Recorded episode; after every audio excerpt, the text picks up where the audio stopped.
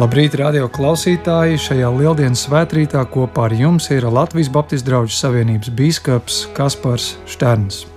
Es aicinu, ka varam ieklausīties svētorāks lasījumā no Jāņa evaņģēlīja 20. nodaļas. Un šeit mēs varam lasīt. Pirmajā nedēļas dienā, rīta agrumā, kad vēl bija tumsa, Marija Magdalēna nāca pie kapa un redzēja akmeni no kapa noveltu Viņa skriešus devās pie Sīmana Pētera un pie otra mācekļa, ko Jēzus mīlēja, un tiem sacīja: Viņi ir paņēmuši no kapa kungu, un mēs nezinām, kur viņi to ir likuši. Tad Pēteris un tas otrs māceklis devās uz kapu.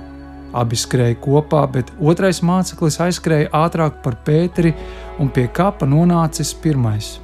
Viņš pieliecās un ieraudzīja linu autu noliktu, bet pats iekšā negāja.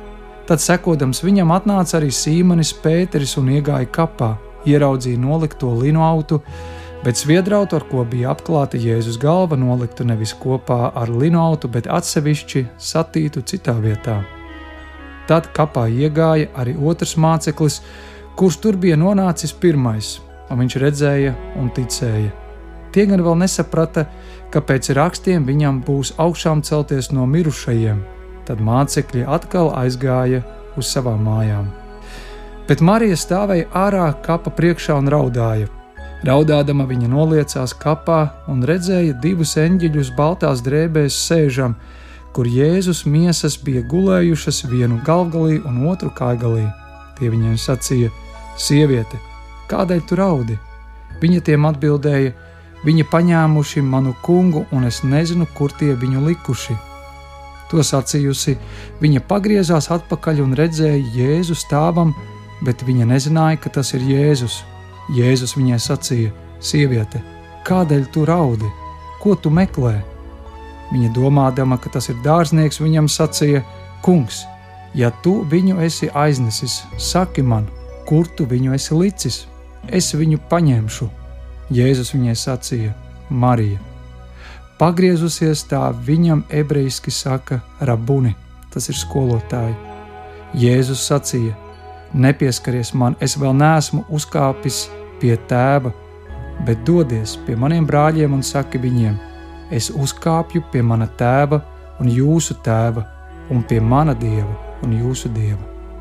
Marija Magdalēna atnāca pie mācekļiem un pavēstīja: Es redzēju kungu un viņa stāstīja, ko viņš tai sacījis. Āmen!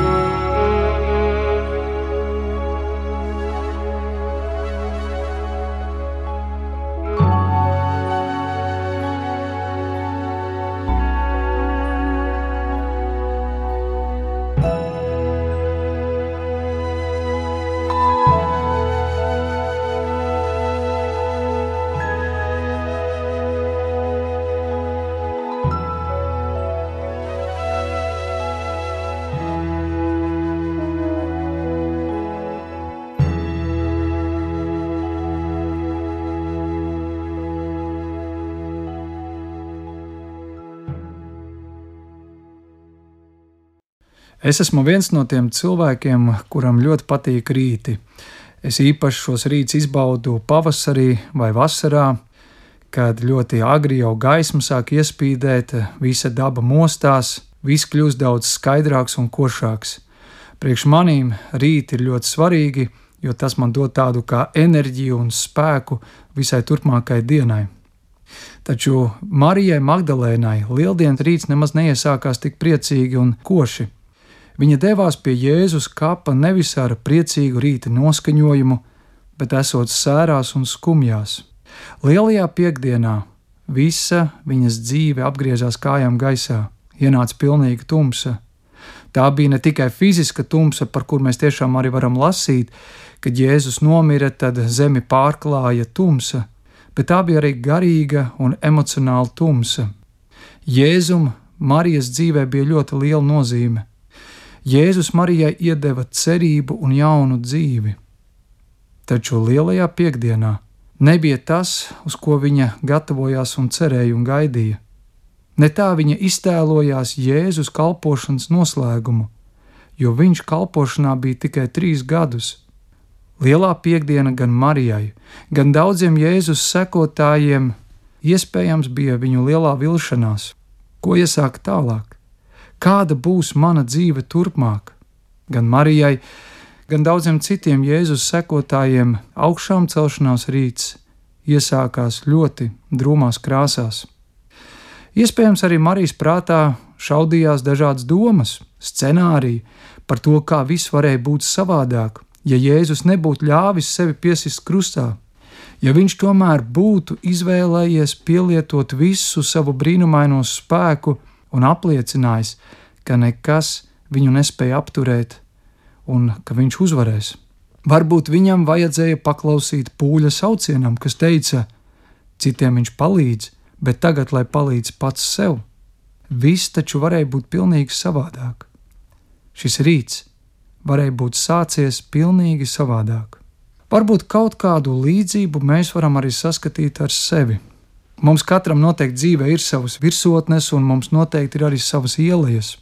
Tad, kad mēs esam virsotnē, mēs labprāt tur paliktu un uzkavētos visu mūžu, un reizēm mēs arī tādās ilūzijās dzīvojam, ka dzīvē vienmēr veiksies, viss izdosies, viss būs labi.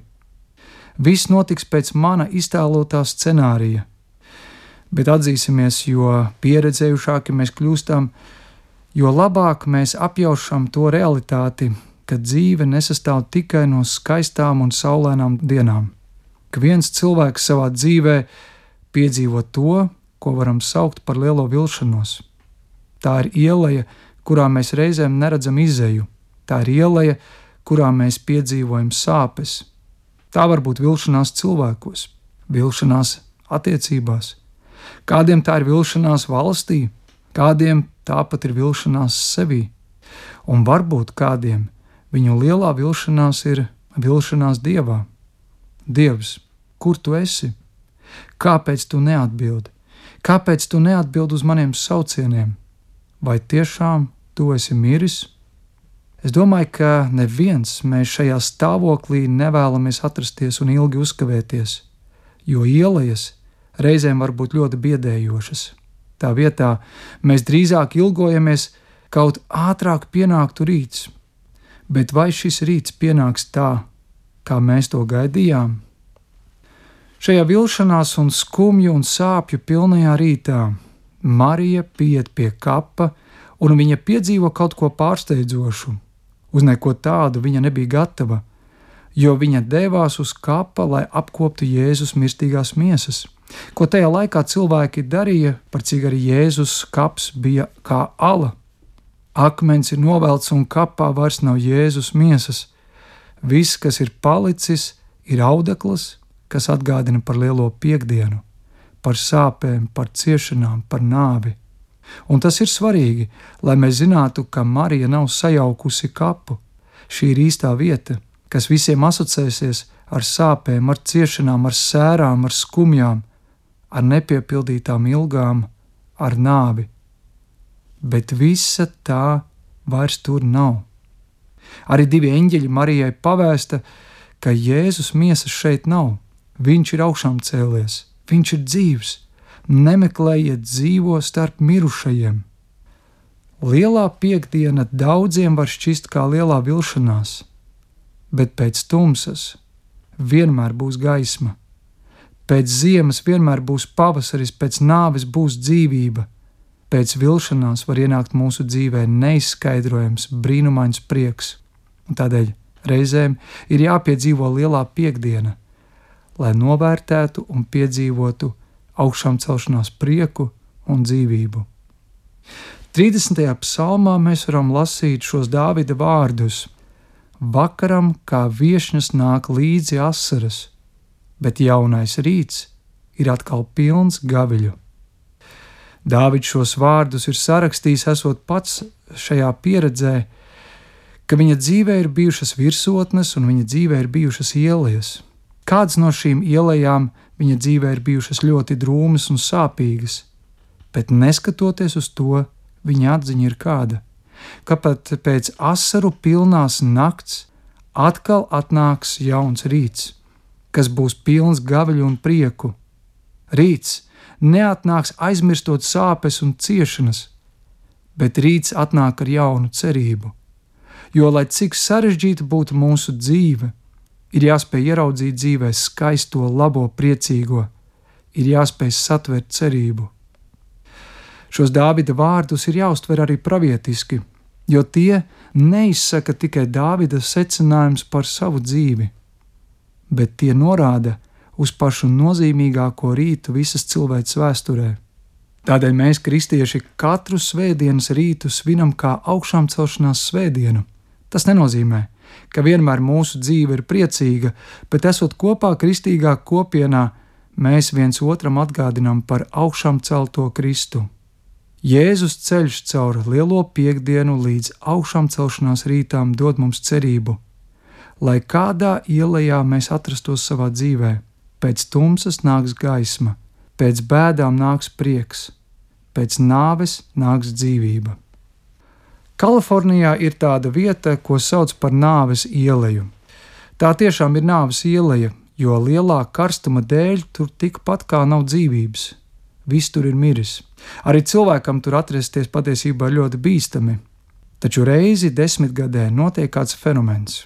Ja uzlīst pietiekošā daudzumā lietus, tad vienā mirklī visa tūkstošainā vieta kļūst par plaukstošu ziedu lauku.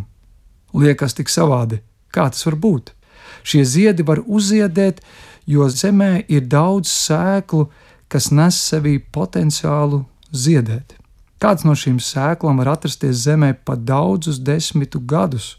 Kādiem var šķist, ka tur viss jau sen ir miris, bet patiesībā tur viss ir tikai aizmidzis, un vienā brīdī tas mostās, un nāves ieleja piedzīvo augšām celšanos. Nāves ieleja uz kādu mirkli kļūst par dzīvības ieleju Līdzīgi kā šī nāves ielai, tā arī mūsu dzīve var šķist pilnīgi bezcerīga. Vai tur, kas ir glābjams un maināms? Iespējams, kādiem ir tik daudz šaubu par to visu, jo gadu desmitiem nekas nav mainījies. Vai tas būtu attiecināms uz kādu tev tuvu cilvēku, ar kuru tu esi tik dziļā krīzē, ka neredzi risinājumu un izēju? Varbūt kādi, piemēram, ir iekrituši atkarību jūgā, kas dzīvi ir pārvērtuši par tādu nāves ieleju. Varbūt kādi jau ilgu laiku cīnās ar zemu pašvērtējumu un nespēja tikt ārā no šīs nomāktības ielejas. Dzīve reizēm var izskatīties kā sausa nāves ieleja, taču ir augšām celšanās rīts, un tas mums dod cerību, ka pat vislielākajā bezcerībā var ienākt dzīvības pilnās pārmaiņas. Redziet, nāves ieleja mūsu dzīvēm nekļūst par dzīvības ieleju tikai tā pati no sevis. Arī prieks un gaišs skats uz dzīvi nerodās tikai pats no sevis. Ir vajadzīgs kāds spēka avots ārpus mūsu spējām, kas var ienest dzīvību, līdzīgi kā Marijas dzīvē. Lieldienu rīta prieks neatnāk pats no sevis. Ir jāpiedzīvo jauna atklāsme, ir jāpiedzīvo ne tikai tas Kristus, kurš nomira lielajā piekdienā, bet arī tas Kristus, kurš ir augšām cēlies lieldienu rītā. Atrodoties tādās dzīves sarežģītos brīžos, Dievs var mums šķist ļoti tālu. Reizēm tas ir pat mūsu pašu izvēļu dēļ. Mēs paši esam distancējušies no Dieva. Lielā piekdiena mums atklāja to, ka Jēzus izprot mūsu ciešanas un sāpes, jo Viņš pats ir piedzīvojis tumšo ieleju. Bet Jēzus spēks nav tikai līdzjūtībā pret mums. Viņš spēja ienest tās pārmaiņas, kas rada neaptveramu prieku. Tas nav lēts, uzmundrinošs prieks, kas var izklausīties kā tādi tukši vārdi, bet tā ir līdzjūtība, kas ir pilna ar prieku. Nepaliksim lielajā piekdienā, bet piedzīvosim augšām celšanās rītu.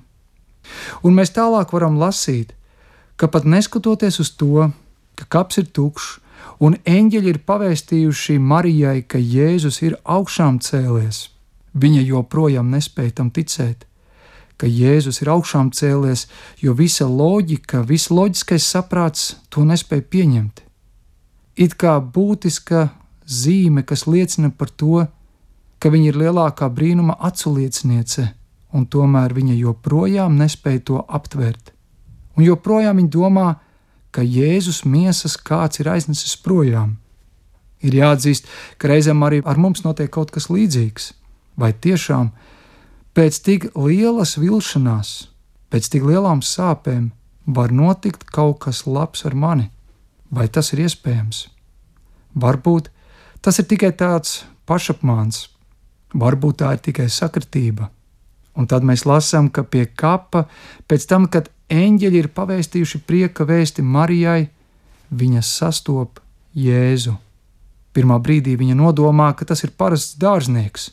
Acīm redzot, Jēzus savā izskatā bija līdzīgs tiem cilvēkiem, kas strādāja dārzā, un viņa jautā Jēzum, šim dārzniekam, vai tu esi paņēmis Jēzus miesas? Jēzus nepārmet Marijai par viņas neticību. Viņš saprot, ka Marija ir apjukusi, un tā vietā Jēzus uzrunā viņu ļoti personīgi viņai sakot, Marija. Un tajā brīdī Marija atpazīst Jēzu, kurš nav vairs miris, kurš nav tikai dārznieks, bet kurš ir patiesa augšām cēlies Dieva dēls. Interesanti, ka Jēzus Marijai atklājās dārznieka izskatā. Var jau būt, ka tā bija tikai tāda sakritība, bet varbūt Marijai bija svarīgi ieraudzīt Jēzu kā dārznieku, jo tas mums kaut kur atgādina par kādu citu notikumu, par kādu citu dārzu, par ko mēs varam lasīt pirmā mūža grāmatā. Mēs tur lasām par dārzu, kurā pirmie cilvēki, Ādams un Ieva, bez kauna, sāpēm, bez vainas sajūtas, bez vilšanās, varēja dzīvot dārzā un baudīt sava radītāja, dārznieka klātbūtni. Viņi piedzīvoja dieva tuvumu un varēja būt attiecībās ar savu radītāju. Dievs, kurš nav tikai ideja, atziņa vai vārds, bet Dievs, kurš ir līdzās blakus un vēlas būt attiecībās ar cilvēkiem. Un tieši tāds Jēzus atklājās Marijai, kā labais dārznieks, kurš tajā dārzā, kur iespējams ir lielā tumsa vai hauss vai pat nāve, līdz ar viņa klātbūtni ienāk dzīvība un prieks, un augšām celšanās rīts kļūst par pašu nozīmīgāko rītu Marijas dzīvē. Marijas satikšanās ar Jēzu mums atgādina, ka Jēzus vēlas būt arī sadraudzībā ar mums. Viņš vēlas piedalīties mūsu dzīvē, viņš vēlas būt daļa no mūsu katra dārza, kurā varbūt līdz šim tu pats visu esi centies sakārtot un savest kārtībā. Viņš vēlas ienest dzīvību tur, kur tev šķiet viss ir bezcerīgi miris. Visbiežāk Jēzus to dara ļoti uzmanīgi un izjusti, neielaužoties ar varu mūsu dzīvēm, Viņš katru vienu no mums vēlas uzrunāt personīgi, sakot: Es neesmu miris, nāvei nepieder pēdējais vārds, tava dzīve nav norakstīta, tev nav jāpaliek tajā tumsā, kurā tu šobrīd atrodies.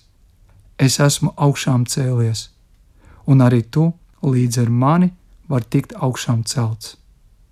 Ļauj augšām celšanās spēkam notikt tavā dzīvē, lai viss tas, kam ir jāmirst tavā dzīvē, var patiesi nomirt, bet lai Jēzus augšām ceļ to, ka mūsu dzīvē atkal ir jātiek augšām celtam.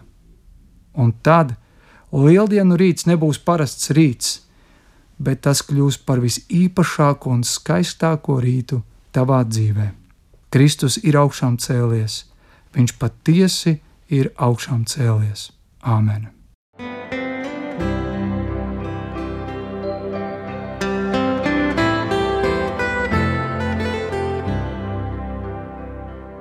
Debes Tēvs, mēs Tev pateicamies par šo lieldienu rītu, ko mēs varam visi kopīgi svinēt, kad mēs svinam dzīvību, mēs svinam uzvaru pār nāvi, mēs svinam uzvaru pār tumsu.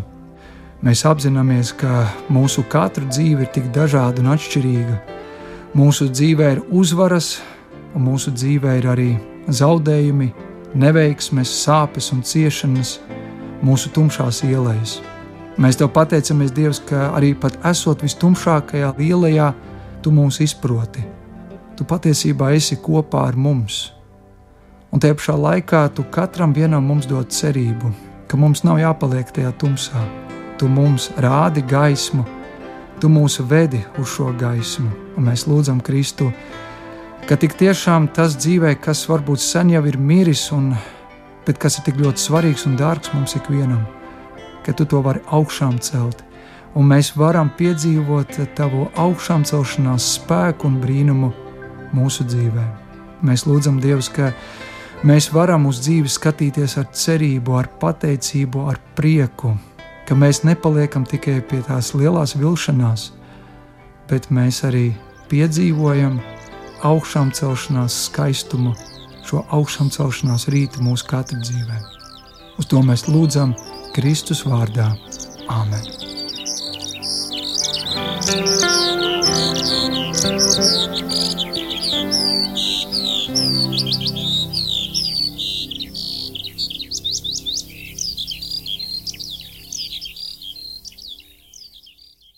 Kopā ar jums šajā lieldienu svētkrītā bija Baptistu draugu savienības biskups Kaspars Šterns.